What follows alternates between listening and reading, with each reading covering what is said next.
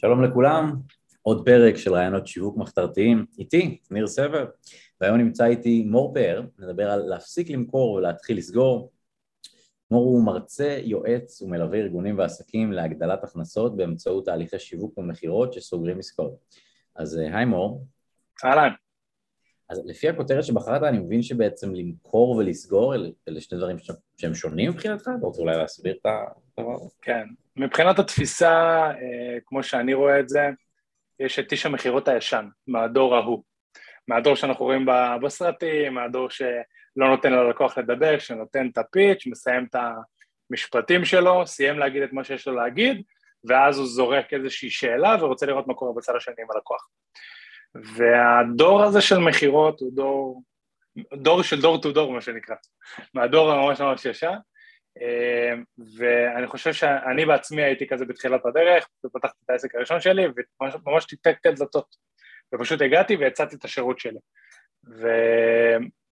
ומבחינתי היום יש גישה של מוכרים ויש גישה של סוגרים, מבחינתי האג'נדה היא שונה, והתפיסה הכללית היא תפיסה שבאה ואומרת, אני כאן כדי לעזור לבן אדם בצד השני, Uh, הגישה שלי היא גישה של ווין ווין, יש הרבה שיגידו, אפשר לראות לא מעט uh, היום בעידן שאנחנו חיים בו, הרבה שיגידו, לוקחים כל, מיני, כל מיני משפטים ששמעו מחו"ל, כמו או שאתה מוכר ללקוח, או שהוא מוכר לך, אה, או כל מיני משפטים מהסוג הזה.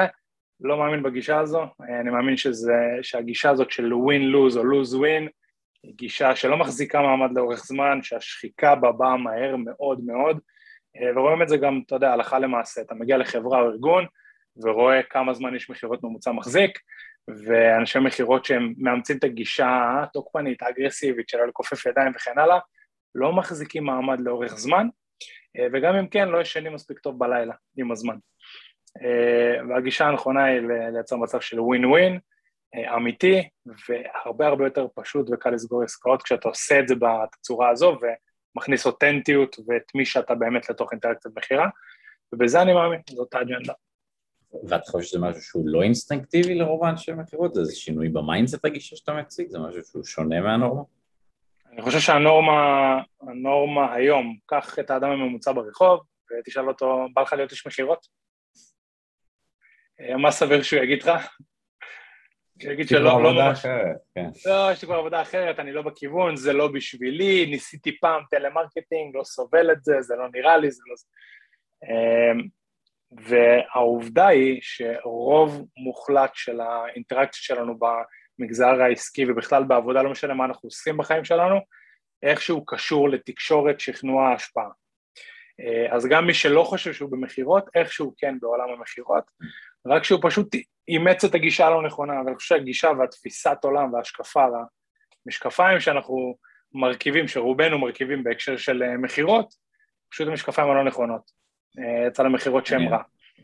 אה, ואפשר, אה, ואני משתדל מאוד מאוד, מה שנקרא, לתקן את המעוות כמו שאני רואה את זה, וכן לייצר איזשהו מצב שזה באמת באמת הופך למשהו שהוא כיפי, שהוא נעים, שהוא ב-day to day שלי אני זורם איתו, והוא עובר לי בטוב, אני סוגר עסקאות ועושה כסף והכל בסדר, ואני רואה את התוצאות של הדבר הזה, של האג'נדה הזו לאורך זמן. הייתי גם איפה שכתבת משהו, תהליך מכירות משולב דיגיטל, שהיום בעצם מכירים אותך, אז כאילו מין, אתה עושה מין שיווק ומכירות, איך תסביר אולי את הנושא הזה? כן, אז בהקשר הזה אנחנו חיים בעידן של, אה, נקרא לו אמנות מכירה משולבת. אה, אנחנו בסוף, אם נחזור רגע למוכרים, אנחנו מוכרים במרכאות בכל פלטפורמה היום. וואטסאפ, פייסבוק, אינסטגרם, טיק טוק, אה, שיחות טלפון, פגישות בזום, רעיונות עבודה, לא משנה, כל תקשורת עם בן אדם שאנחנו רוצים להשיג משהו עם התקשורת איתו, אנחנו באיזושהי אינטראקציה שבסוף אנחנו רוצים להשיג משהו, אז אנחנו בייסיקלי בעולם המכירות. ואם אנחנו רוצים לייצר תוצאות, ואם אנחנו רוצים להגיע לאיזושהי תוצאה בחיים שלנו, אין לנו ברירה אלא לתקשר עם אנשים אה, כדי להגיע למטרות שלנו. והדרך הטובה לתקשר עם אנשים זה ללמוד השפעה, שכנוע, מכירות אה, ושיווק. Mm. ואני חושב ש... אם תסתכל היום גם על דפי נחיתה טובים, דפי מכירה טובים, קמפיינים טובים, הם משלבים באיזושהי תצורה עקרונות שכנוע, השפעה, מכירות, אה, אתה כמוך גם יודע ומכיר את התחומים האלה, אה, אז זהו, זה, זה החיבור מבחינתי.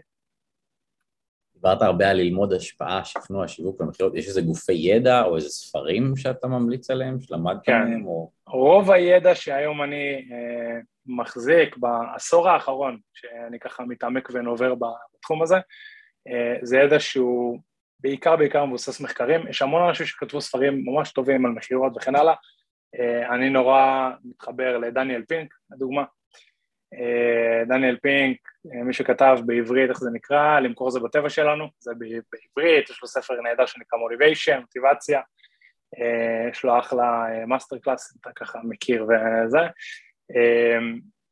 המון מעולמות של, גם בחור שאתה בטח מכיר, דן אריאלי, כל המקומות של להבין שאנחנו לא יצורים רציונליים ושהאופן שבו אנחנו מתקשרים עם אנשים והמוטיבציה של כל בן אדם שאנחנו מתקשרים איתו היא קצת שונה, אה, אז זה בעיקר, רוברט שלדיני, אינפלואנס, אתה בטח אה, גם מכיר, אה, אלה בעיקר ההשפעות, כמובן שיש עוד כמה, זה, זה ככה בגדול, מבחינתם. יש כאלה שמאמינים נגיד ב-NLP, לא מאמינים, לך יש איזה עמדה בנושא הזה?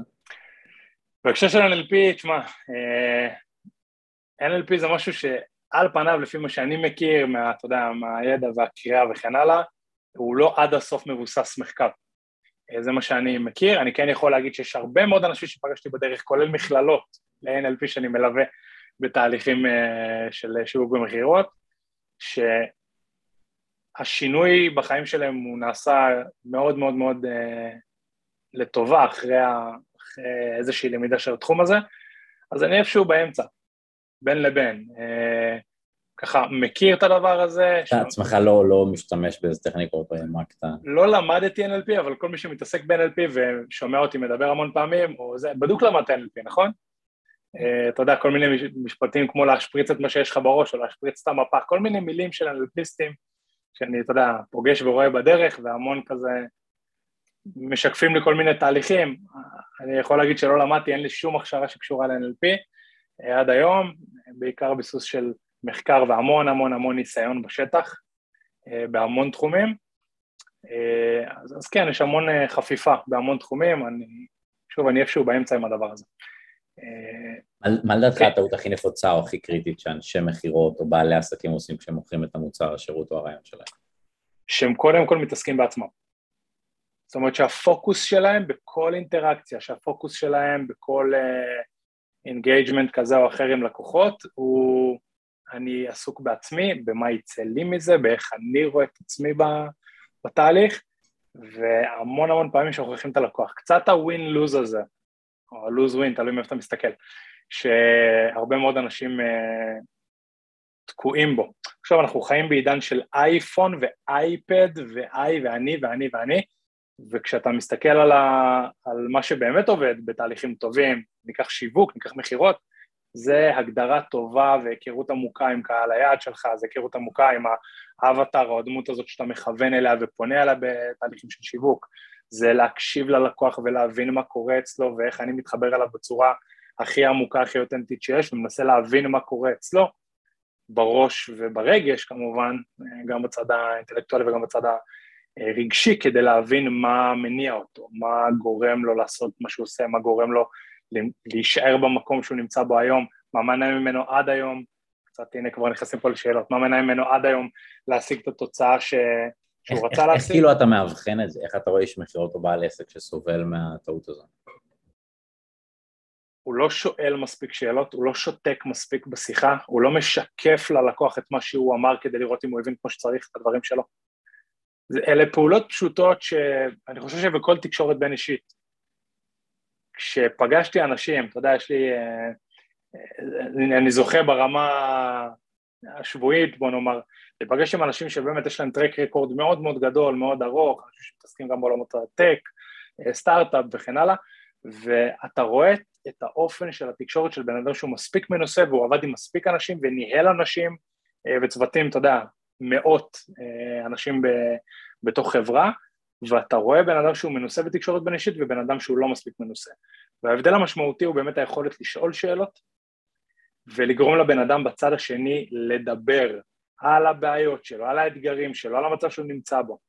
זה פי עשר יותר חזק אם לקוח אומר לך משהו לגבי המצב הקיים שלו מאשר שאתה תגיד לו. בסדר, קח יועץ כלכלי, אה, שלדוגמה לקוח מצד אחד בא ואומר אני במינוס, אוקיי? ומיד איש המכירות מזהה את הטרף הקל הזה והוא מיד יכול לקפוץ על הדבר הזה. אה כן, מינוס, לא נעים וכן הלאה, להיכנס ולהניח הנחות במקום שהוא נמצא בו. במקום לבוא, לעצור רגע, ללכת שנייה למקום שהוא יותר נינוח ולשאול שאלות בצורה טובה, בצורה איכותית, לשאול אותו, אוקיי, אז אתה במינוס, מה... אתה יודע, חצי מהמדינה במינוס, מה, איך, איך זה משפיע מבחינתך? מעניין. אתה יודע, ומפה הוא מתחיל לתקשר, ואז אתה יכול ללמוד המון המון על הבן אדם ועל מה קורה אצלו. אז אם אני מסכם את זה, זה, זה לא מספיק הקשבה ולא מספיק שאלת שאלות, שנובע מ... שזה סימפטום של זה שהבן אדם חושב על עצמו ולא על הצד השני, זה, זה, הבנתי נכון? כן. יש לך איזה מבנה? נגיד מה שעשית עכשיו מדהים. אוקיי. זאת אומרת, לא לייצר את השיקוף הזה. זאת אומרת, אתה מייצר את השיקוף לבן אדם בצד השני, ואז מה שאתה עושה לו בראש, בוא נחשוב מה קורה לבן אדם. מה קורה לי בראש כשאתה אומר דבר כזה, אוקיי. אני אומר, וואלה, בן אדם אשכרה הקשיב לי, mm. לא רק הקשיב כדי להגיד שמעתי כי יש מברר בשיחה, אלא mm. הקשיב כדי להבין, שיקף לי את הדברים שלי ווידא שהוא הבין אותי כמו שצריך, עכשיו איזה כוח השפעה יש לזה. כן, האמת, א', זה קל פה כי אני לא מנסה למכור, אה, לא מנסה למכור כלום, וב' אני באמת חושב על הקהל ולא רק על עצמי, כי אני הרי, אה, אני הרי הבנתי מה אתה אומר, אבל אני חוזר על זה כי אני פשוט זוכר שיש את הקהל ברקע, ואולי זה יעזור להם, אני אסכם את זה בכמה מילים פשוטות. אז, אז אולי אלה שני היתרונות שלי, שאני לא מוכר פה כלום לאף אחד. אה, ואני גם זוכר שלי קהל ברקע, וגם מה שעשיתי לפני שהתחלתי עם הפודקאסט, התחלתי להסתכל על... אה, זה הכלב שלי פה עושה רעשים, צריך להתעלם מזה אחר כך. אה, אוקיי. אני זוכר שהתחלתי להתחיל להסתכל על, על כל מיני מראיינים מאוד מאוד בכירים, היה את לארי קינג שנפטר, אם אני לא טועה השנה, אם אתה מכיר, או סתם מגישי חדשות פה בישראל, והתחלתי לראות איך הם מראיינים, ושמתי לב שבעצם הם יכולים להעביר שעה שלמה, שהם לא אמרו בו משפט אחד שהוא לא נגמר בסימן שאלה, הם לא, הם לא הצהירו שום דבר, הם מראיינים בהם שעה שלמה, והם כאילו לא אמרו כלום. הם לא אמרו, אני חושב ככה. זה לא נכון, הם רק אמרו, מה אתה חושב על, מה אתה על, איך היית מגיב עם, mm, אז מה שאתה אמר בעצם זה זה. ואני חושב שבאמת אולי המחשבה הזו שיש כאילו קהל שצריך להפיק מזה ערך, היא עוזרת לך, אולי אפילו עכשיו שאני חושב על זה, לא חשבתי על זה, אולי אפילו זה יכול להיות טיפ לאיש מכירות, שהוא אפילו יחשוב שיש איזה צד ג' שמנתח את השיחה שלו, לא חשבתי על זה, שמנתח את השיחת מכירה שלו, הוא צריך כאילו, או אולי אחרי זה נגיד היו שולחים לדבר עם הבעל, ואחרי זה שולחים את ההקלטה לאשתו, והוא צריך לחשוב איך אשתו תשתכנע מההקלטה שאני עושה עכשיו עם הבעל, אז אולי בעצם זה mindset שיכול גם לעזור ל... סתם אני חושב על זה, אנשי מכירות. וזה מעבר לזה לדעתי, כי בהקשר הזה אתה יכול להגיד, אוקיי, איך הבן אדם שעומד מולי יבין יותר טוב את עצמו?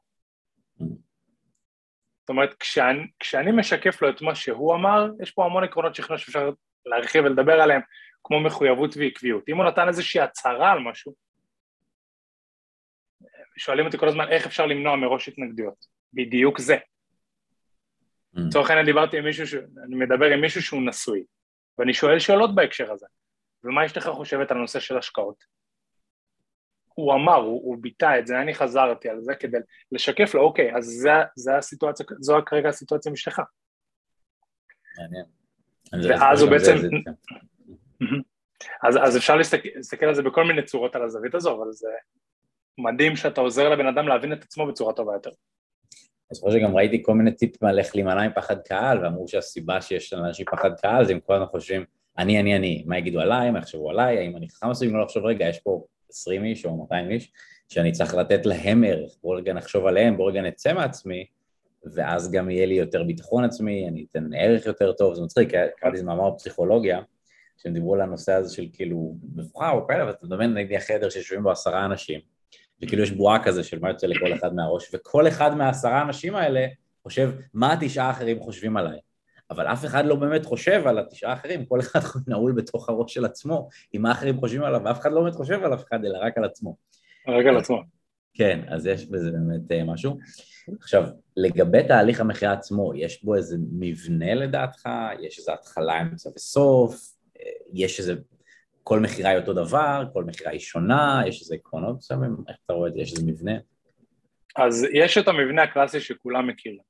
אה, שרוב לא אנשי המכירות, okay. אוקיי. רוב אנשי המכירות שלמדו משהו איפשהו, זאת אומרת, הגיעו, לא משנה, לחברת תקשורת, חברת ביטוח וכן הלאה, מלמדים ארבעה שלבים קלאסיים, מקרב, מברר, מכוון וסוגר, מנהלי, כל אחד איפה שהוא למד.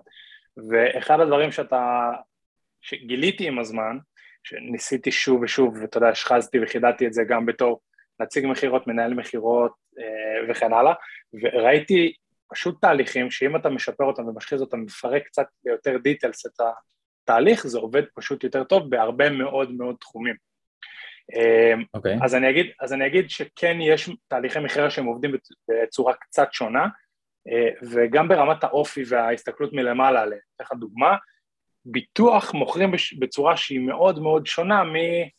לא יודע מה, אה, תהליך אה, פרסום. נדל"ן. Okay. אוקיי. של חברת פרסום או נדל"ן, אוקיי? Okay?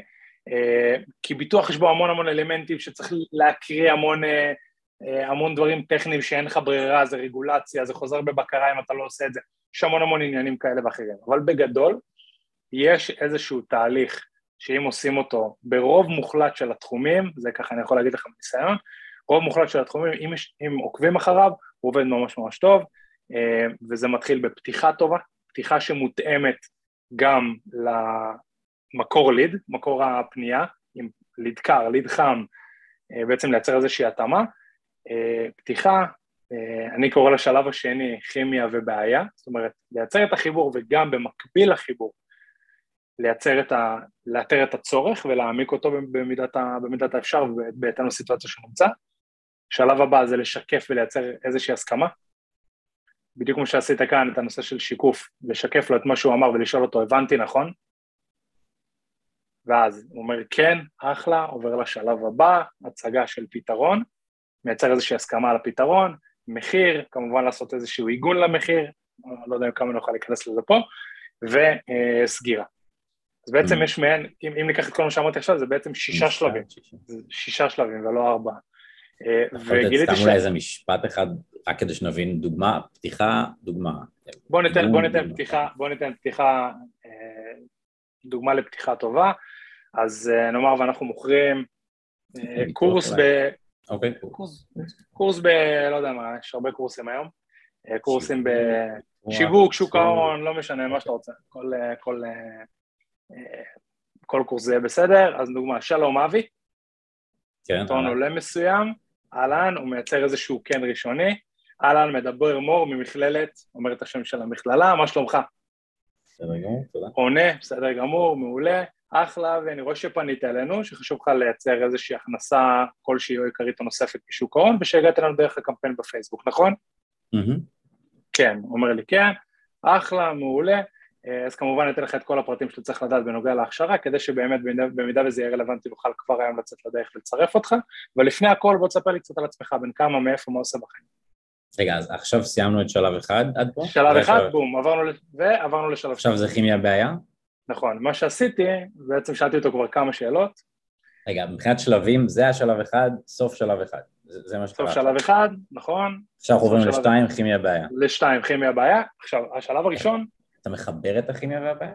כן, תשים לב שהכימיה בעיה, ספר לי קצת על עצמך, בין כמה, מאיפה, מה עושה בחיים. זרקתי כמה דברים. 45 אה, מרחיק יונים. בין 45 מרחיק יונים, מתחיל לשאול שאלות, בסדר? פה אני מתחיל לשאול שאלות. אחלה, מגניב, מה אתה? זאת אומרת, יוצר איזשהו חיבור. בן אדם מרחיק okay. אוקיי. יונים, וואלה, מה, עולה לגגות וזה, okay. כן. מתחיל לייצר איזשהו חיבור כלשהו okay. אוקיי. באיזושהי צורה. אה, אז יש המון המון אלמנטים של איך ליצור את החיבור, עניין של... את הבעיה אבל פספסתי, שמעתי כימיה, אבל איפה הבעיה? אז רגע, אז כימיה ובעיה, זאת אומרת, זה, okay. אוקיי. מבחינתי זה אותו שלב. זה שלב okay. שהוא יותר מופשט נקרא לו, אני לא רואה אותו כאיזשהו אה, תהליך נורא נורא סכמטי בחלק הזה, אבל כן יש שני דברים שצריכים לקרות. אני צריך להבין מי הבן אדם שעומד מולי, אני צריך להבין מה הבעיה שלו, הצורך המפורש שלו, אני צריך ליצור איתו איזשהו חיבור באיזושהי רמה, לא עם כולם זה יעבוד אגב, וזה בסדר. אתה לא מאמין שאפשר ליצור חיבור עם כל אחד? אני חושב שכן אפשר ליצור איזושהי רמה של אה, אה, אינטראקציה שיתופית עם כל אחד, גם עם כאלה שהם מאוד מאוד משימתיים, אבל משימתיים מאוד, הם כנראה פחות אה, ייטו לדבר על הא ועל דא. בסדר? אולי גם לא צריך ליצור איתם, כאילו... לא בהכרח לא היה. לא רלוונטי. נכון. יש אנשים כאילו, שפשוט לא- זה לא הקטע שלהם. אני חושב שהסיילסמן צריך להתאים את עצמו גבר אישה בין 20-50, מלצר הייטקיסט, כאילו, צריך להתאים את עצמו. אני חושב שהוא צריך להתאים את עצמו בשיח, באנרגיה, בתדר בשיחה, בטונציה, יש כמה וכמה התאמות שכן צריך אה, לבצע בעיניי. אה, אני חושב שאתה לא יכול לדבר, לא כל, לא כל, ה, כל, לא כל האנשים נולדו, נולדו שווים, כמו שאומרים, ואתה לא יכול לתקשר עם כולם באותה צורה. אם מישהו מדבר איתך רק ב... אתה יודע, מישהו עונה לטלפון, כן, איך אני יכול לעזור לך? בסדר? ויש כאלה, ויש הרבה כאלה, בסדר? יש אנשים שיכול להגיע איתם לשיחה כזו, והשיחה איתם צריכה להיות הרבה יותר תכליתית. אני שומע שאתה עסוק, אני כמובן לא אגזול מזמנך, זאת אומרת, המקום שבו אני מבצע את החיבור עם בן אדם כזה לדוגמה, זה דרך זה שאני מעריך את הזמן שלו, והוא מבין שאני מעריך את הזמן שלו ואני מדבר איתו בצורה עניינית, קצרה, ממוקדת. בסדר, לדוגמה, סגנונות תקשורת, נושא אחר. אוקיי, אז אה, היינו בכימיה, רק פספסתי את הבעיה בשלב שתיים. כן, כימיה בעיה, אז לצורך העניין מנסה ליצור איזשהו חיבור, יכול להיות ש... למה מבחינתי זה כימיה ובעיה ביחד? כי יכול להיות שהחיבור יתחיל כבר בשלב הראשוני, מרחיק, אמרת מרחיק יונים, כבר מפה אני מוצא את האפשרויות לייצר איזשהו חיבור. אוקיי. אבל יכול, יכול להיות שבן אדם יגיד, אוקיי, אבל למה התקשרת? זאת אומרת, הוא יהיה הרבה יותר ענייני, ואז יכול להיות שהכימיה תבוא בשלב קצת יותר מאוחר. זאת אומרת, שאלה 2, 3, 4, ושם אולי אה, תיווצר הכימיה. זאת אומרת, okay. אוקיי. לא בהכרח הכימיה חייבת לבוא לפני שאני שואל שאלות צורך. אוקיי, okay, ואיפה הבעיה? בבעיה אני מתחיל לשאול שאלות בנוגע לאתר את הבעיה, אוקיי? Okay? בשלב זה הזה. זה בא דרך שאלות הבעיה? כן. הבעיה, אני מאתר אותה. פנית אלינו, למה השארת פרטים, מה הביא כן, אותך? אני... כן, מה הביא אותך? נתחיל משאלות נורא בסיסיות, אני רואה שיש אותנו פרטים, מה ככה הביא אותך אלינו? נתחיל מהמקום הזה, אם הוא פנה אליי, אני חייב להזכיר לו שהוא פנה. אם תשים לב, גם בפתיחה עשית את זה. אני רואה שפנית אלינו. יצרתי שם גם עוד כמה אלמנטים כמו איתות סגירה. מה אבל... אני עושה אבל אם הוא לא פנה אלינו, אם מתווך עכשיו מרים טלפון למישהו מיד שתיים והוא לא פנה אליו, אז מה הוא יכול לעשות? יופי, אז אני רואה שאתה מפרסם דירה. אני, אני אנסה לייצר איזשהו תדר של הסכמה וכן לפתח שיחה נורא נורא מהר. תדר של הסכמה, כמה שיותר mm. מהר. מה זה, מה זה אומר? אני אשאל שאלות שברור לי שהתשובה עליהן היא כן. Mm. אני רואה שפרסמת דירה ברחוב הדרור 17, נכון? כן. אני, זאת אומרת, אני מתחיל מהמובן מאליו שמייצר את התדר החיובי, מהכן, ומפה מתחיל לפתח איזושהי שיחה. אה, אתה בטח צריך קונים okay. אוקיי. או משהו כזה, זה הכיוון. כן, זאת אומרת, אני רואה שהיא מפורסמת כבר אה, למעלה משלושה חודשים, אני מניח שכבר הראית לחלק מהאנשים. זאת אומרת, מתחיל לפתח איזושהי שיחה קונקרטית, ואגב, למישהו שפניתי אליו, בדרך כלל הפתיל שלו יהיה קצת יותר קצר, אני צריך להגיע לפואנטה יותר מהר. צריך לקחת את זה בחשבון. ועם הניסיון גם אה, מגלים את זה ורואים את זה, אבל מאוד מאוד טוב לדעת לבוא עם הדברים האלה מוכן ועם איזשהו פיץ שהוא מותאם, אה, פיץ שהוא מותאם בצורה טובה, לפחות בהתחלה. הייתי רק רוצה לרוץ את כל התבנית, אז היינו בשלב שתיים, כן. כימיה בעיה, מה זה השלוש? נכון. אז רגע, כימיה בעיה, זה היה אה, שיקוף והסכמה, אבל כימיה בעיה, mm-hmm. בעיקר אני אשאל שאלות, שאלות שהן יותר מעמיקות את הסיטואציה, mm-hmm. בסדר? כמו מה חשוב לך. רגע, כמו... זה שלב שתיים עדיין כרגע? שתיים, עדיין שתיים. שלב שתיים כן. בעיה, אוקיי. נכון. בעיה, מה חשוב לך? איך זה משפיע על החיים שלך? מה בלוק ציור דף חלק חמש שנים מהיום איך אתה רואה את עצמך? מה יקרה אם לא תפתור את הבעיה הזאת? מה יקרה אם... מה, אוקיי, פתרת את הבעיה, מה יקרה אז? אוקיי, מה יקרה אם זה לא יקרה? זאת אומרת, כל השאלות מהסוג הזה. אה, ואז עובר לשלב שלוש, שיקוף והסכמה, איתרתי צורך מפורש, לצורך העניין, הוא רוצה לייצר הכנסה נוספת כדי לעבוד מכל מקום בעולם ולהיות נווד דיגיטלי ולעבוד בזמן שלו ו-you name it. אז משם אני יכול לשקף לו. אז אם הבנתי אותך נכון, אבי, המטרה שלך היא להגיע למצב ש-1, 2, 3, 4, כדי שתוכל 6, 7, 8, 9. הבנתי נכון. אם הוא אומר כן, אז אתה יכול להתקדם, ואם הוא אומר לא, אתה רוצה להבין. אם לא, אני חוזר אחורה ומברר את הדבר הזה. זאת אומרת, יש לי מעין כמו צ'קליסט כזה של כנים, כדי לדעת אם אני במקום הנכון או שאני צריך לחזור אחורה. אוקיי, אז היינו בשלב שלוש, אמרנו שיקוף והסכמה, קיבלנו נכון. כן, אנחנו יכולים לעבור לשלב ארבע. כן, שלב ארבע. הצגת פתרון, כמה כללים בסיסיים לגבי זה, אחד, לעשות את זה לא חופר מדי, לא ארוך מדי, עד שתי דקות, לא יותר מזה. זאת אומרת, המוצר שלנו, אנחנו רוצים לדעת להסביר אותו פחות משתי דקות. פחות משתי דקות, אה, אם חפרנו. זאת אומרת, יש okay. אוקיי. כלל שראיתי אותו חוזר על עצמו. כל איש מכירות שמציג את הפתרון שלו יותר משתי דקות, בדרך כלל ברוב מוחלט של המקרים, בטח אם זו שיחה טלפונית, הוא חופר. והוא לא עשה... כמה זמן לקח לנו השיחה עד עכשיו? עכשיו אנחנו בשלב ארבע הצגת הפתרון. עכשיו זה יכול לקחת זמן. עכשיו זה יכול לקחת זמן, זה יכול לקחת, זה יכול לקחת רבע שעה, זה יכול לקחת עשרים דקות, זה יכול לקחת חצי שעה, וזה בסדר. המקרב והכימיה זה רבע שעה, כל השאלות? נכון, נכון. זאת אומרת שאנחנו רבע שעה שואלים שאלות, ושתי דקות מציגים את הפתרון שלנו. רבע שעה שואלים שאלות, פלוס גודל. כימיה, פלוס כניסה לשיחה. פלוס כימיה, כניסה לשיחה, הבנה של מי הבן אדם. זה מצחיק, כי זה בניגוד לרוב, השיחות מכירה הממוצעות הן בדיוק הפוכות. זה כזה דקה, מה נשמע, ועשר דקות על המוצר שלי. נכון. זה, זה רוב, זאת הסיבה שרוב אנשי המכירות מייצרים את התוצאות של רוב אנשי המכירות. Mm. תחשוב על רוב אנשי המכירות, רוב בעלי העסקים מייצרים תוצאות, אתה יודע, איפשהו באמצע. זה קצת פעמון, הטלמרקטרים התפרקות. האלה שמתקשרים אליך ואתה בקושי מספיק להגיד הלו והם כבר במשפט שבע על תוך המוצר או השירות שלהם, פשוט כאילו נואמים לתוך קיר. כן, זה כמו נכון. האלה מבזק, שלום, הגעתי לבעל העסק, אתה רק אומר כן, בום, זהו, כן. נכנסים לתוך הנאום עכשיו- שלהם, לא... או שמתחילים עם התקשרתי להציע לך, עכשיו אף אחד לא רוצה כן. שתציע לו כלום. מי רוצה, כן. שתציע לו משהו? out of nowhere.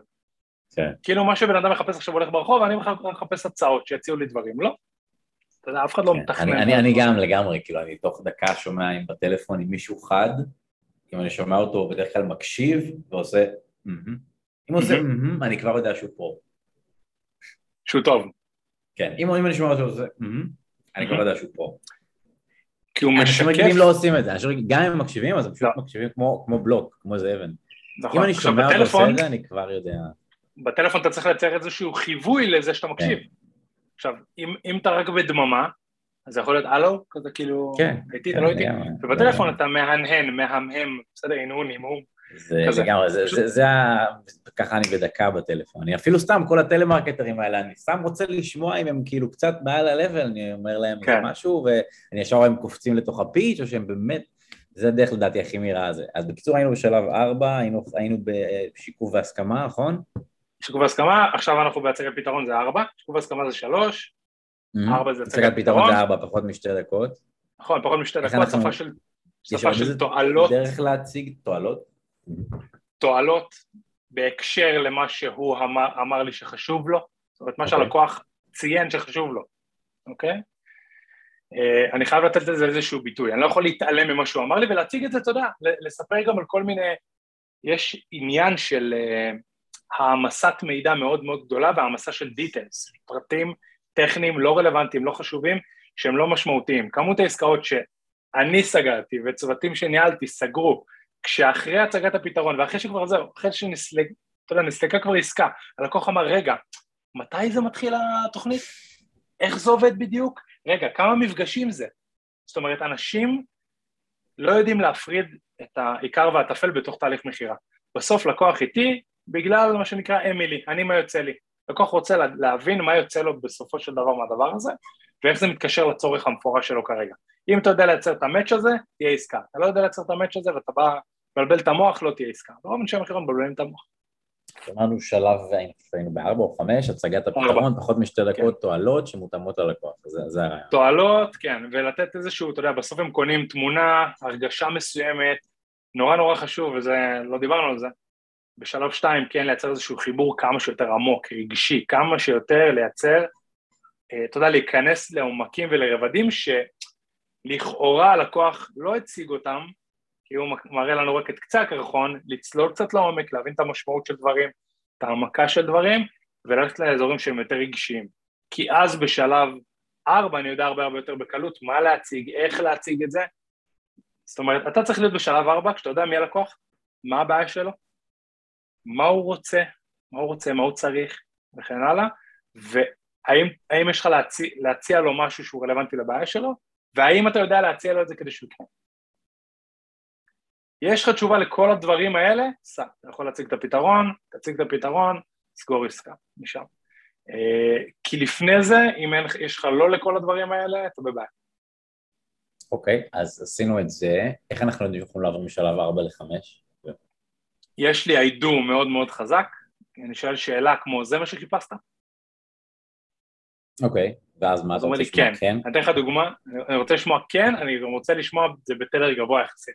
בול, בדיוק, מכיר את זה שבן אם הוא אדם כזה, נראה לי, כן. חוזר אחורה, אני לא ממשיך. מה זה אומר חוזר? כן, אני לא אחורה? בטוח. זאת אומרת? בן אדם אומר לי, "אה, כן, בערך, אוקיי, אוקיי. ובדיוק, ובדיוק מה חיפשת. זאת אומרת, אני אתעכב פה. אוקיי. אני לא יכול אבל להתעלם. לאיזה מזה. שלב אתה חוזר אחורה? אתה נשאר בהצגת המוצר, אתה עושה רגרסיה עוד שלב, אני- איפה כאילו? אין לי, אין לי בעיה לחזור אחורה גם עד שלב שתיים, במידת הצורך. בסדר? בדרך כלל אם, אם משהו לא מתיישב בשלב ארבע ואין לי היידור מאוד מאוד מאוד חזק, אז אני חוזר לשתיים. לשאלת אוקיי. שאלות. שאלת שאלות. ואז אחר כך שוב כימיה מקרב בעיה, ואז שוב שיקוף, ורק אז שוב פעם מוצר. נכון. חזרנו מחמש לשתיים, אז בחמש. נכון, או נכון. אם אתה, אם אתה, זהו, שאלת אותי על המעבר בין 4 ל-5, מתי אני עושה אותו? אז אמרתי לך צריך להיות אידום מאוד מאוד חזק בנוגע לפתרון, עוד לפני על בארבע. יש לנו ענף אפשרויות, שזה אומר או שאני מתקדם לחמש, או שאני חוזר לשתיים. או שאני חוזר לשתיים, כן. אז מארבע זה או חמש או שתיים. אתה עושה מין נכון. עץ אפשרויות כזה. נכון, אבל נכון, נגיד לא כאילו שווה. זה- אתה לא נשאר על ארבע. וחוזר לשלוש, אתה חוזר לא, שניים אחורה. לא, אני לא אחזור לשלוש, כי שלוש זה שיקוף והסכמה, אוקיי. מבין? אז אני רוצה לחזור לשתיים כדי לברר כמו שצריך את הצורך, כי אם הוא אמר לי, אה, לא בדיוק. אוקיי, ואם הוא אוקיי. כזה, כן, אני איתך, נשמע טיל, אז אתה עובר לחמש. מעולה, עובר לחמש. בחמש אני, עכשיו, יש פה כמה מה זה עקרונות, חמש? אה, שכחתי מה זה חמש? חמש, מחיר, הצגת מחיר. אה, חמש זה מחיר, אוקיי. נכון, הצגת מחיר. עכשיו, רוב האנשים חושבים על מחיר כ... אתה יודע, יש כל מיני טכניקות פה. פה יש כמות טכניקות, אה, אתה יודע, די רצינית. רוב האנשים אומרים, תגיד את המחיר ותשתוק, מהמם. בטוח שמעת את זה, איפשהו. תגיד את המחיר ותשתוק ותראה מה הוא מגיב, אופציה אחת. אופציה שנייה, תגיד את המחיר ותרוץ נורא נורא נורא מהר קדימה ותסגור את העסקה מהר, ואז הוא אומר לך רגע, רגע, רגע, רגע. ובעיניי הדבר הזה צריך להימצא איפשהו באמצע. אה, וצריך לשלב פה עוד אלמנט שבא מעולמות השיווק שנקרא עיגון. תסביר. עכשיו, קח דוגמה. אה, נאמר, בוא נלך על דוגמה קלה, בסדר? נגיד ואני עכשיו, אה, דיברנו על הכשרה בשוק ההון לדוגמה, יש הרבה הזדמנויות, אתה יודע, אה, ביז אופ, זה נקרא, business opportunities, כל, כל מיני הזדמנויות עסקיות כאלה ואחרות, שם בדרך כלל מדובר גם בכסף. אז אני יכול, אתה יודע, לייצר איזשהו עיגון, בין אם זה בשלב 4 ובין אם זה בשלב 2, אני יכול לייצר איזשהו עיגון ערך מאוד מאוד מאוד מאוד גבוה ביחס למחיר שאני הולך לדבר עליו. תן דוגמה. לדוגמה, אם הלקוח אמר לי, תקשיב, אני רוצה להגיע למצב שאני מכניס אה, בחודש עוד 4,000 שקל, ונגיד והקורס עולה 8,000. נגיד אנחנו מדברים על קורס בשוק ההון, בסדר? ולקוח אומר לי, תקשיב, אני רוצה להגיע למצב שאני מרוויח 4,000 שקלים בחודש, אוקיי? עכשיו, אני יכול בשלב הזה, בשלב של לצורך העניין שלוש, לשקף לו, להגיד לו, אוקיי, אם הבנתי אותך נכון, אתה רוצה להגיע למצב שאתה מרוויח סדר גודל של 4,000 שקלים בחודש, שבשנה זה גרוסו מוד 48,000 שקלים? אומרת, אני מייצר איזשהו עיגון ערך מאוד מאוד גבוה ביחס למחיר של נגיד 8,000. הדבר הזה לבד, בסדר? כתפיסה, עוזר ללקוח להבין, וואלה, השאיפה שלי היא להגיע לאיזושהי רמה מסוימת שהיא way far ממה שאנחנו יודעים שהוא המחיר של ה... פשוט שם את הפלוס והמינוס, כי הפלוס בדיוק. הוא הרבה יותר דרמטי, אבל בוא נסתכל על נכון, התשלום הוא נכון, חד פעמי וההכנסה הפוטנציאלית יכולה להיות חודשים או שנים. קדימה. נכון, וזה קל בעולמות של הכנסה פוטנציאלית. מה תעשה אם אני אבל נותן קורס אה, בישול? בישול, יפה. אז אגב, גם בבישול זה יכול לגעת באזורים של הכנסה פוטנציאלית. זאת אומרת, אגב, כל מקום שאני יכול לחתור אליו באיזושהי. תצורה להכנסה... קורס יוגה, נהדר, מעולה. אני אשאל אותו לדוגמה על ההשפעה של המתחים בחיים שלו. אם הוא דיבר איתי על יוגה, אוקיי, מה הסיבה שבגללה החלטת לעשות יוגה? להיות בריא יותר, להיות רגוע יותר, אוקיי. ומה זה יעשה בחיים שלך, להערכתך? טוב יותר, שמח יותר. זאת אומרת, זו, זאת אומרת שהיום, אם אני מבין נכון, זה אומר שהיום אתה לא בדיוק שמח מהמקום שאתה נמצא בו, ברמה שהיית רוצה. אני חושב, אני לא דיכאוני, אני חושב שהייתי יכול להיות יותר, כן. אוקיי, אז במצב כזה, שוב, מה שאני רוצה לעשות זה להמשיך לשאול שאלות באיזושהי רמה, כדי להבין מה מניע אותו לעשות. Mm. והעיגון של, ה, של הדבר הזה במקרה הזה יכול להיות השקט שלו. כמה שווה שקט? Mm. כמה שווה רוגע? כמה שווה שלוות נפש? כמה שווה לך להיות במצב שאתה יכול להכניס את עצמך לפלואו? כמה זה שווה לך? עכשיו, אני לא אגיד לו כמה. אני אשאל שאלות, והוא יסיק את המסקנות, ואני חייב שהוא יגיד את זה במילים שלו. פה יהיה עיגון ערך בתצורה של, שנובעת מהבעיה בעצם. וכמה זמן השלב הזה של המחיר נמשך? זה משפט אחד או זה ממש תהליך שלם? אז המחיר עצמו אמור להיות בצורה די פשוטה, אתה יכול להציג את המחיר, אוקיי? אם יצא לי לייצר איזשהו עיגון ערך, בין אם זה בשלב 2 או בשלב 4, אני מייצר איזשהו עיגון ל- לערך, ואז מציג את המחיר. מאוד מאוד ממליץ, עובד ממש טוב מניסיון, ואתה יודע, אני עושה המון מדגמים, יצא לי ללוות לא מעט צוותים די גדולים, אז אני יכול לעשות מדגמים מאוד גדולים ולראות מה ההשפעה של כל דבר קטן שמשנים.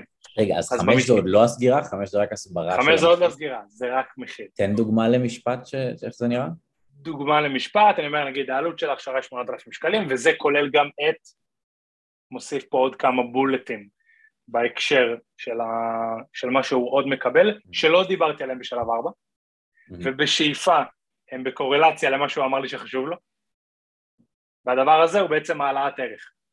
אז בואו בוא רגע נחזור למה היה פה ברמת תגיד את זה. במשפט שיחה, כאילו, תהיה נגיד בשיחת מכירה. זה, זה המשפט, העלות של ההכשרה היא 8,000 שקלים אוקיי, וזה כולל גם את כמה בולטים בקורס, לא משנה איזה, אוקיי. איזה בולטים, כולל את הליווי לשמונה חודשים, יש לך קבוצת וואטסאפ לדיון, יש לך גם וכן הלאה וכן אוקיי. הלאה, אוקיי? אה, ואז פה אני יכול, אני יכול אה, לבוא ולהגיד, פה כבר יש המון המון אלמנטים נורא תלוי בתחום, אתה יכול לבוא ולהגיד כרגע, reason why now, מייצר איזושהי סיבה למה היום, לעשות את זה כאן ועכשיו, אה, ויכול לתת לו איזושהי הצעה, נכון לכרגע אני רואה שהגעת לנו דרך א' ב' ג', וזה מעניק לך אפשרות ל-XYZ, אה, סופר משתנה, סופר תלוי בתחום וסופר תלוי ב... אנחנו עדיין בשלב חמש, מחיר, במחיר אני רואה שאתה גם שם הנעה לפעולה. נכון, ואני- זאת אומרת, מייצר, רגע, מייצר, כאילו, כאילו מחיר וסגירה הם די, אתה יודע, חופפים, מה זה שלב שש? שלוש שש זה סגירה, אז ההנעה לפעולה היא בחמש או בשש? שש. ושש. אה, אז ה-reason why now אבל זה בחמש?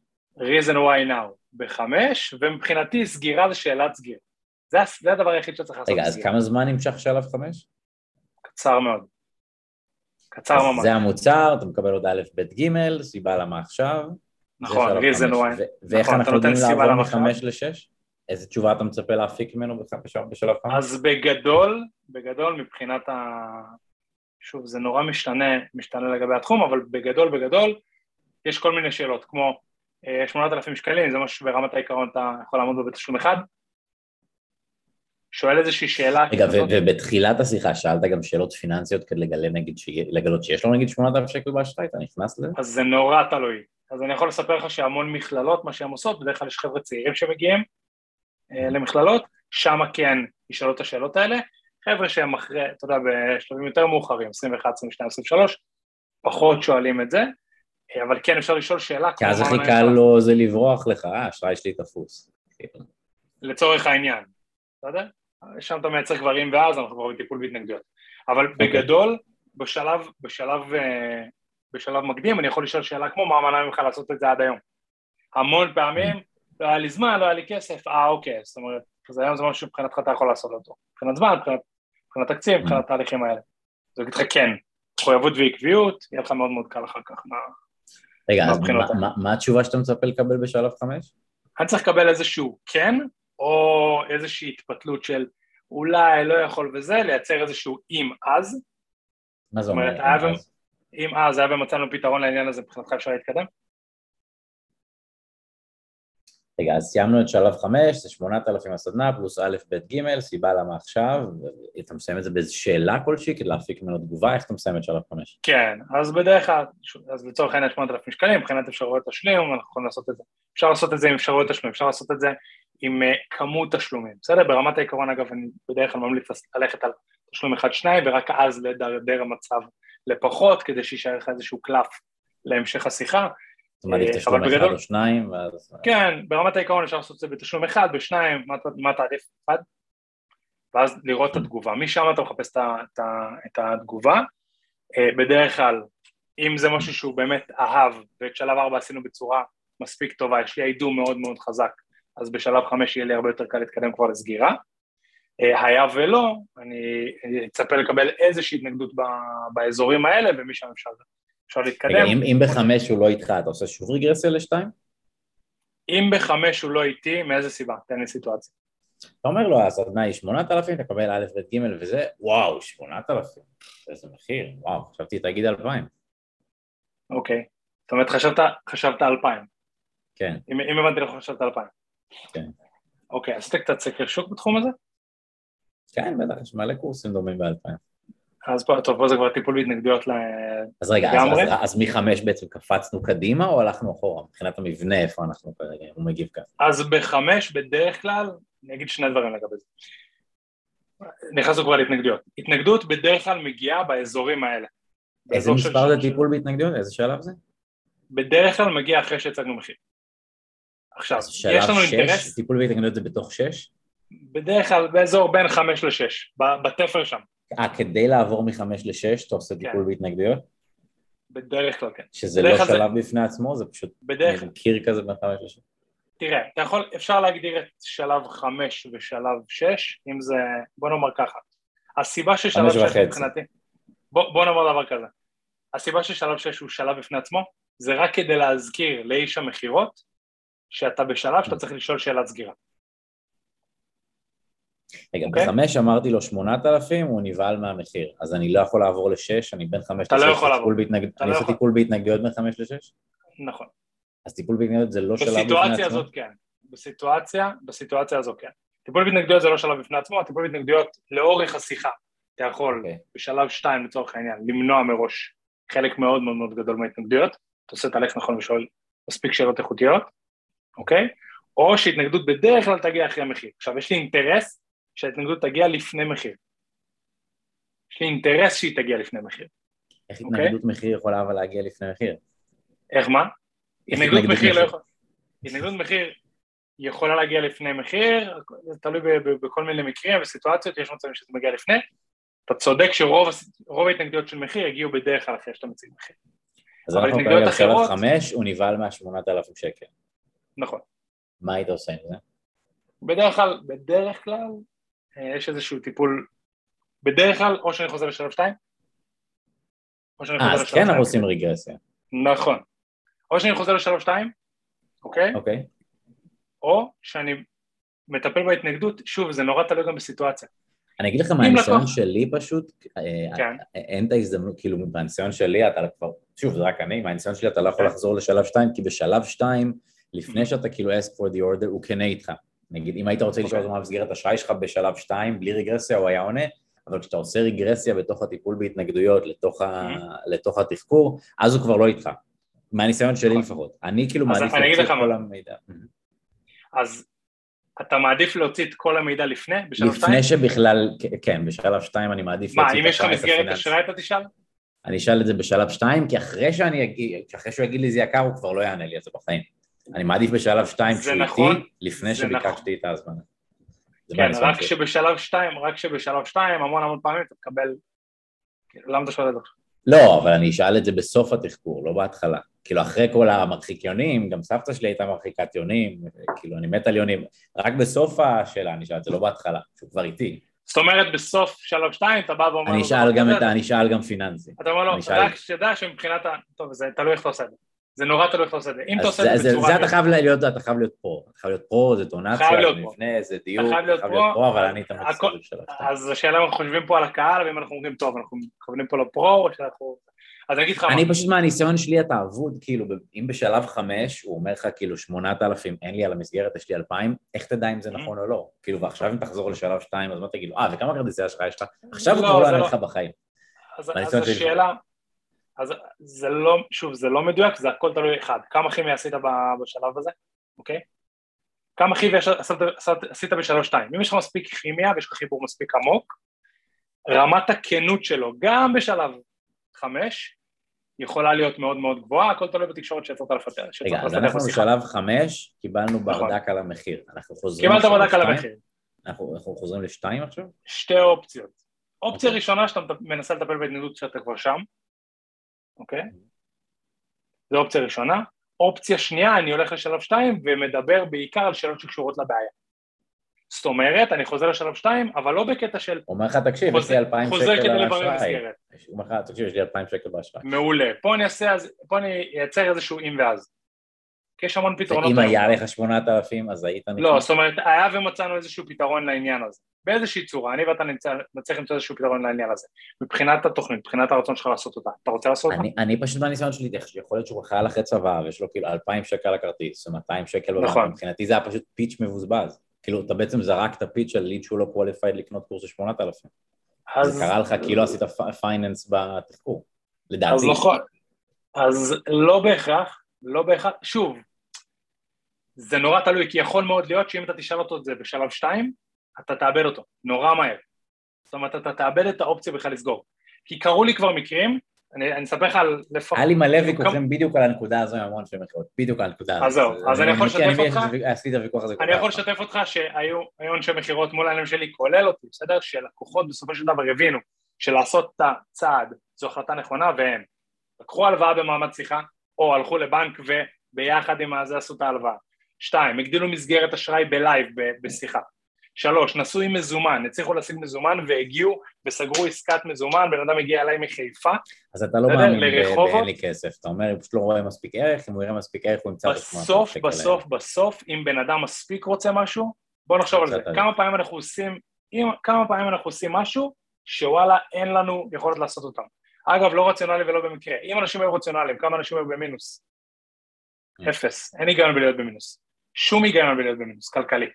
11% על, על, על המינוס, 18% על המינוס, אם אנשים היו רציונליים, הם לא היו עושים את זה נקודה. עכשיו, זה שאין לו מסגרת זה עדיין לא אומר שהוא, שהוא לא יכול לקנות, זה שאין הוראת קבע אשראית, יש תהליכים, לא יש הלוואות, בלנדר, ירושלים. אין לי כסף, אתה לא מאמין. זה, זה שוב, אני אגיד לך מה, יש הבדל בין איש מכירות שמוכר במכללה לבין בעל עסק. בעל עסק, by definition, בסדר, בהגדרה, ירצה כמה שפחות עסקאות מהסוג הזה, עם לקוחות מהסוג הזה, מראש. בעל עסק פחות רוצה. בעל עסק, למה? כי בסוף אתה צריך לטפל בתזרים, אתה צריך לטפל בגבייה, אתה צריך לטפל בכל הדברים שמסביב. המון פעמים לאיש מכירות יש, הייתה לי גם מנהלת כזאת שמנהלת את הגבייה. זאת אומרת, לצורך העניין, לוקחת, מנהלת את הגבייה בתוך איזושהי מכללה לצורך העניין, והיא מנהלת את הגבייה, מטפלת בתהליכים, מטפלת בדברים, אתה, יש לך ראש שקט, סגרת עסקה, כן. הוא העביר 400 שקלים מקדמה, מעביר, בקיצור, התהליך משם זורם. אז זה נורא נורא, בגלל זה, העניין הזה של להגיד תלוי על שיחות מכירה ועל תחומים שונים ועל mm. הקונטקסט בתוך התהליך, זה נורא נורא נורא משתנה. כן, אני יכול להגיד לך שהמון המון עסקאות נסגרות אחרי שהלקוח אומר יקר לי, המון עסקאות נסגרות אחרי מה זה. מה אתה עושה כשהלקוח אומר יקר לי? אז אני באופן אישי, אני יכול לספר לך שהרבה הרבה מאוד לקוחות, אני פשוט מחליט לשחרר על העניין של מחיר, זה אני באופן אישי, כל מיני תהליכים שאני עושה. אה, והנה תשובה לדוגמה טובה שהרבה חבר'ה שלומדים ממני באופן קבוע משתמשים בה והיא עובדת להם מדהים. קודם כל אני מבין אותך לגמרי, באמת לא מדובר לא בשקל ולא בשניים, ובאמת אני כנראה לא אחד מהזולים בשוק, אני יכול לשתף אותך שאף אחד ממי שעבד איתי עד, איתי עד היום לא עשה את זה כי אין חיזון, זה לא הסיבה שעובדים איתי. יש הרבה סיבות אחרות, אה, נראה לי שאתה יכול אה, להתרשם מהעניין הזה. עכשיו השאלה שלי, מה חשוב לך? לשלם הכי זול, או שאתה מחפש לקבל את השירות ברמה הכי גבוהה שאתה יכול לקבל. זאת אומרת, אתה בעצם מגמד את העניין של מחיר ביחס לתמורה שמקבלים פה, וגורם לבן אדם בצד השני להבין שאני, הסיבה שפונים אליי, זה לא כי אני זאת. זאת לא הסיבה. עכשיו, המון פעמים לקוח... אולי היה לי פשוט, ניסיתי את הריבטל הזה פשוט כמה פעמים בתיווך, הוא אמר לי, אבל יש מתווכים מצוינים, אני מחפש מצוין, אבל הוא לוקח אחוז ואתה לוקח שניים. אז מתווכים, אז mm. במתווך אתה יכול לשאול כמה שאלות. הוא לוקח אחוז ואני לוקח שתיים. אוקיי, אם שנינו היינו עובדים על אותה עמלה, מי היית עובד? איתך, אבל הוא לוקח אחוז ואתה שניים. למה היית עובד איתי? אתה נראה לי טיפונת יותר טוב ממנו, למרות שהוא גם אחלה לגמרי, הטיפונות הזו לא מצדיקה שני אחוז. אם היית לוקח גם אחוז, הייתי אוקיי. הולך איתך. אוקיי, אז פה לקחת לקוח מאוד קשה, בדרך כלל מה שקורה, או בהמון המון מקרים, מה שקורה עם הדבר הזה, הוא נותן איזה, זה דוגמה שקרתה לך, לך בפועל, מה עשית שם? לא סגרתי, פשוט אמרתי לעצמי, לא, זה, לא לקוח שרוצ... זה לקוח שרוצה מתווך של אחוז, ואני כן, לא רוצה להיות המתווך הזה. זה, זה מתווך, שהוא אומר לעצמו, אני נותן אחוז למתווך, וזה בדיוק אין העניין, למה, אני לא רוצה לקוח. וזה בדיוק העניין בין מוכרים לסוגרים. מוכר בלקוח כזה יעשה כל מה שהוא יכול, כל מה שהוא יכול, כדי לכופף את היד, להוריד מהעמלות שלו, להוריד מהערך שלו, גם העצמי וגם הפיננסי, כדי לסגור עסקה עם הדבר הזה. תראה, באמת זה הרבה יותר קל, כי כשאתה איש מכירות שכיר, כאילו לא אכפת לך, אתה זורק את הלקוח לתוך pipeline נכון. שמישהו אחר גובה, מישהו אחר, אבל במתווך אתה בעל העסק, כאילו אתה אחרי זה צריך לפרסם, אתה צריך נכון. לרוץ על הדירה שלו, ואתה שומע לך, לא שווה לי את האחוז. לא שווה לי, נכון. אז יש מצבים מאוד מאוד גדולים שאתה תגיד לו, ושוב, וזה אנשי מכירות טובים, דיברת על הפרו, כלל ברזל. איש מכירות טוב זה בן אדם שלא מפחד בכל רגע נתון לוותר על כל לקוח שהוא מדבר איתו. לוותר על כל לקוח שהוא מדבר איתו בכל שנייה בשיחה. אני מוכן בכל רגע נתון. עכשיו, כמות האנשים שסגרו איתי עסקה, אחרי שאמרתי להם, אם 1, 2, 3, אל תירשם. אם לא, אל תירשם. תראה, הסיבה שאנשים באים לעשות איתי תהליך זה כי הם יודעים שהם רוצים לייצר תוצאות ומוכנים גם לשלם על זה כי הם מבינים את הערך ומבינים מה יוצא להם בזה. אם עד עכשיו בשיחה לא האמנת שאני הבן אדם לעשות את אותו תהליך, אל תירשם. בום. זה משהו שמייצר לאנשים את ההבנה ש... כאילו, בן אדם כאילו מתפתל, מתפתל בשיחה. לא הסגירה שלך זה, כאילו, הטיפול בהתנגדות שלך זה אם עד עכשיו לא הבנת שאני אדם שווה את הכסף בסכום הזה, אל תירשם, כאילו, זה המשפט. זאת אומרת, אני מבין שמכירה, בסדר? מכירה, זה רעיון עם ביטחון, זה מה שזה. משפט, כמו שאמרתי עכשיו, נותן סופר ביטחון ללקוח שאני הבן אדם. תגיד את המשפט עוד פעם. כן, זה משפט לרשום אותו, מי שרואה את זה. הסיבה שעובדים איתי בסדר? אני לא, לא יודע אם אני מדייק בדיוק באותו משפט, אבל הסיבה שעובדים איתי היא לא בגלל שאני הכי זול, אוקיי? אנשים שעובדים איתי עובדים כי אני רוצה לייצר, תוצ... כי אני יודע לייצר תוצאות, אוקיי? ואני מניח, אני הנחתי עד עכשיו בשיחה שזה מה שגם מה שחשוב לך. אגב, אם זה לא המצב, ומה שאתה מחפש זה נטו מחיר זול, זה בסדר גמור, אתה לא צריך לעבוד איתי. זאת אומרת, הגישה, זה לא משנה מה אני אומר, שים לב, אמרתי עכשיו משפט אחר לגמרי. האג'נדה היא אג'נדה של אם לא, אז הכל טוב, אני אמשיך לחיות, הכל בסדר. אני לא חייב אותך. פשוט לא משדר לחץ על העסקה. שום לחץ על העסקה. כמו הטיפים הזה בדייטינג, שאתה כאילו... נכון. רואים כאילו מי הולך לו ומי לא. זה מדהים. כאילו. נכון, ככל שאתה יותר נואש, ככל שאתה יותר מנסה לכופף ידיים, ככל שאתה מנסה להשתמש בכל מניפולציה כזו או אחרת כדי לסגור את העסקה, ככה אתה חלש יותר באינטראקציה, ככה אתה נתפס כמישהו שמשווע על העסקה עכשיו, עכשיו, מהניסיון שלי כדי להפוך את זה רק לטריקים, מהניסיון שלי הפרקטי כדי להפוך את זה למשהו גם מעשי ולא רק mindset, כאילו תאמין בעצמך, תהיה מוכן לאבד את העסקה, לא, זה לא רק זה. עוד משפט אחד, כדי באמת שזה יהיה אמיתי אתה צריך שיווק, לדעתי. אם יש לך המון לידים, אז אתה לא תהיה לחוץ, אבל נכון. כאילו אם אין לך marketing ואתה רק salesman, זה לא משנה, אם אתה בעל עסק ואין לך pipeline, יש לך lead נכון. בשבוע, אז עם כל ה mindset וה coaching, ואני מאמין בעצמי ואני לא מפחד, הוא פרקטית לא יכול להרשות לעצמו לאבד את העסקה, אז כדי שבאמת תוכל להרשות לך, כאילו, לזרוק את הלקוח שאתה רוצה, אתה חייב marketing, וזה מה שאמרת, אני חושב, נכון. תהליך משולב, משהו כזה. נכון, כי בסוף המטרה, נכון, וזה, וזה בדיוק מה שאנחנו, אתה יודע, מה שאני עושה ב-day to day עסקים. זאת אומרת, הנקודה היא לבוא ולייצר איזשהו מארג כזה, שמייצר לך מספיק פניות, שיש לך מספיק כלים כדי לתקשר עם הפניות האלה, כי בסוף כל הדבר הזה, שיווק ומכירות, בעיניי, כמו שאני רואה את זה, שלושה דברים. למצוא מספיק לקוחות פוטנציאליים ורלוונטיים לדבר איתם, לדבר איתם ולסגור עסקאות. זהו. זה כל הסיפור. למצוא מספיק לקוחות פוטנציאליים לדבר איתם, לדבר איתם ולסגור עסקאות. זה כל הסיפור. ואגב, אתה יודע, יש כאלה שאומרים אחוזים, רגע, אבל אתה לא, אתה, רוב הלקוחות שתדבר איתם אתה לא תסגור, נכון. שיווק ומכירות, תמיד, בהגדרה, זה משחק על ה... כן. נכון, על, על המיעוט, ה... איך נגיד את זה בעברית? המיעוט החיובי, ולא על הרוב השלילי. המשחק הוא על המיעוט החיובי, על האחוז הנמוך החיובי, ולא על הרוב השלילי, כי את רוב העסקאות אתה לא תסגור. אם אני מוכר יאכטה במיליון דולר והקומישן שלי הוא 100 אלף דולר, מה אכפת לי שמאה אנשים אמרו לי לא, אם המאה נכון, ואחד עשה לי 100 אלף דולר, הכל טוב, כאילו תן לי כל יום שמאה אנשים יגידו לי לא. נכון, נכון. אם לא עלו לי כסף. כן, העניין הוא איך, וזה הצד המנטלי המאוד מאוד מאוד מאוד חשוב עם אנשי מכירות ובעלי עסקים, של להחזיק מעמד עד העסקה הזו וגם לא לאבד את ה... זה, יש משפט, אני לא זוכר מי אמר אותו, אה, להמשיך מכישלון לכישלון בלי לאבד את ההתלהבות. וזה בדיוק העניין. בסוף אתה צריך לדעת לייצר את החוסן המנטלי הזה, נקרא לזה, בדרך לעסקאות שלך ו-to go for no. הדרך שלי להסתכל על זה זה פשוט סטטיסטיקה, כאילו במקום להרגיש כאב אני פשוט אומר טוב זה סטטיסטיקה, כאילו אני יודע שאני סוגר אחד ממאה, אז בסדר, אז אני נכון. פשוט להרים מאה. זה בדיוק החשיבה לא של פה. וגם לא לחשוב שהם אמרו לא לי, כנראה הם אומרים לא לכל אחד. נכון. זה לא משהו אישי נגדי, ושוב, זה רק סטטיסטיקה, כאילו זה לא, זה כמו שאני, לא יודע, אעלה סטורי ויש לי אלף חברים ורק מאה ראו אותו, אז מה, אני אעלב מהתשע מאות שלא ראו את הסטורי שלי? כאילו, לא יודע, הם כן. עכשיו היו בארוחת צהריים סבתא שלהם, זה לא כאילו הכל נגדי. פשוט מסתכל על זה כסטטיסטיקה, פשוט רץ הלאה, זה, זה לפחות המייטות שלי. נכון, החשיבה הזאת של סטטיסטיקה זה, זה בעיניי גם, אגב, הגדרה, כמו שאני רואה אותה, של מומחיות. Mm. למה? כי סטטיסטיקה זה מעין היכולת שלך לחזות דברים קדימה.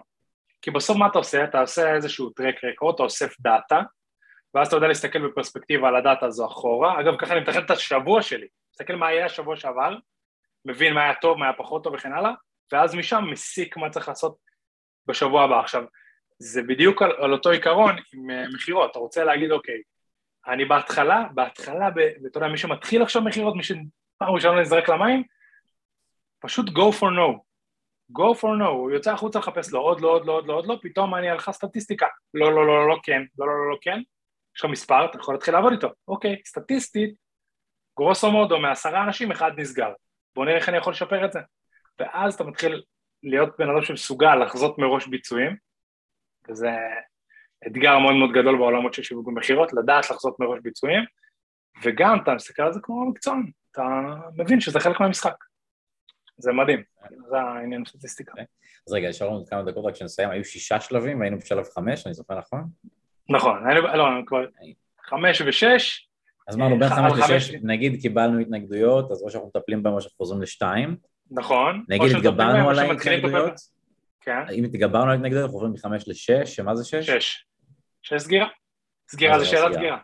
אז זאת אומרת עכשיו, שאלת סגירה, אני רוצה שיהיה לי בארסנל כמה שאלות סגירה שקשורות לתחום שלי. אם אני עכשיו מוכר איזשהו קורס דיגיטלי, אז אני אשאל איזה מייל אני שולח את הפרטי גישה. אה, זה כזה רוצה לשלם באשראי זה שאלת סגירה, זה כאילו שאלה, זה, זה לפני האשראי המזומן. אני רוצה שהשאלת סגירה... שאלה טכנית. של איך תצרוך את המוצר? בדיוק, שאלה טכנית. אם הייתי מוכר גריל, גריל גז, אני אשאל, תגיד, אז הבאת רכב מתאים כדי לקחת את הגריל או שאני יוצא משלוח? ואין שאלת, אוקיי. שאלה טכנית שהיא טיפה לפני אה, אז מה המספר כרטיס, אתה מבין? אז תשאל אותו לאיזה מייל? לאיזה מייל לשלוח לך את הקורס? כן, אז לאיזה מייל לשלוח את הקורס? דוד שוב בג'ימל קום. רגע, בוא, נעשה רגע את המעבר, תעשה את חמש או שש ביחד. שנייה, חמש או שש ביחד, סופר משתנה בין תחום לתחום, זה חשוב להבין, וגם הקורס הדיגיטלי הזה. מעולה. אז אני אומר לו את התנאים, אומר לו את המחיר, אומר לו זה כולל גם את, אוקיי?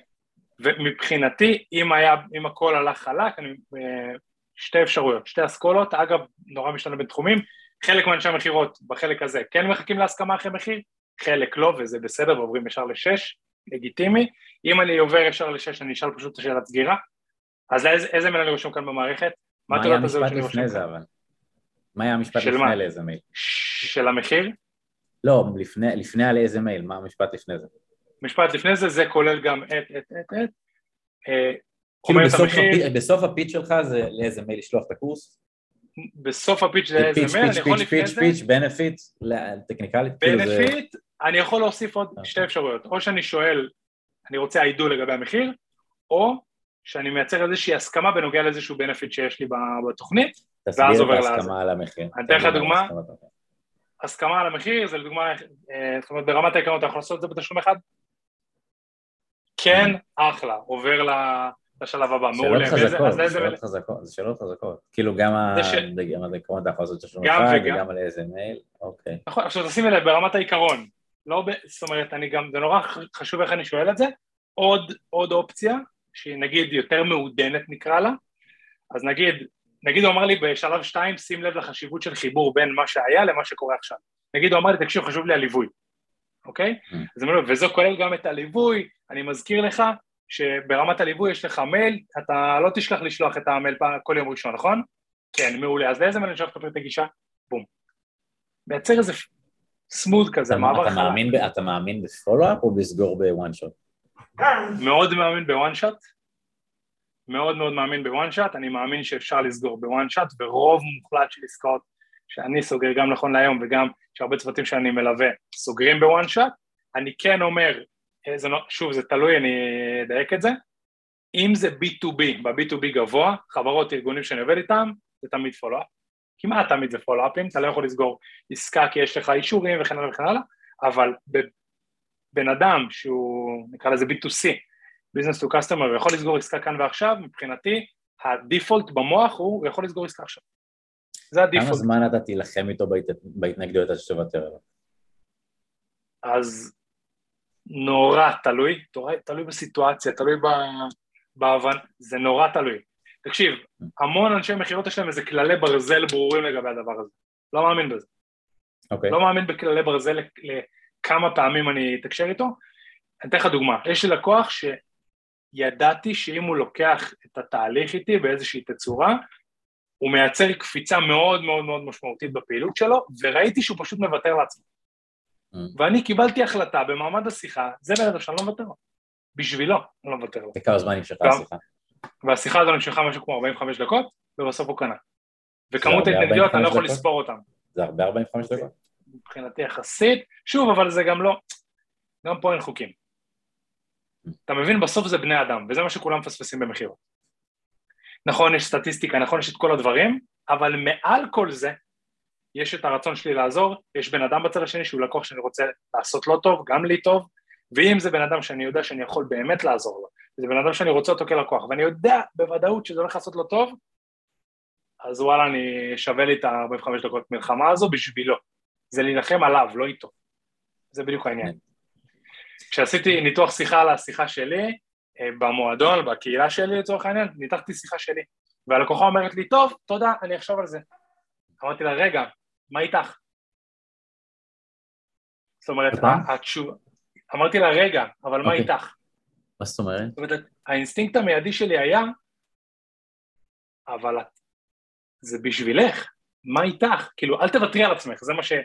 מעניין. זה הטון אוקיי. שיצא לי שם. אוקיי. זאת אומרת, את, את כאילו הולכת לוותר פה על עצמך. עכשיו, אמרתי את זה באופן טבעי, באופן, כאילו, לא חשבתי על זה, ואז כשעצרתי ודיברנו על זה בקהילה שלי, כולם כאילו, יואו, זה היה חזק הרגע הזה. כי באמת, דיברת על זה, כאילו, שנייה, אבל רגע, רגע לפני שאת מוותרת על עצמך. זה לא על העסקה שלי, זה לא על יהיה, יהיה פה אינטראקציה של כסף או לא, זה מה איתך? וזה בדיוק משהו שצריך לאמץ אותו ב, בעיניי במה שקשור לאינטראקציות עם אנשים, ואתה יודע, קצת פילוסופיה של באמת להאמין במה שאתה מוכר ולהיות שם אותנטי עם האנשים. בי uh, גוד, הכי, הכי פשוט.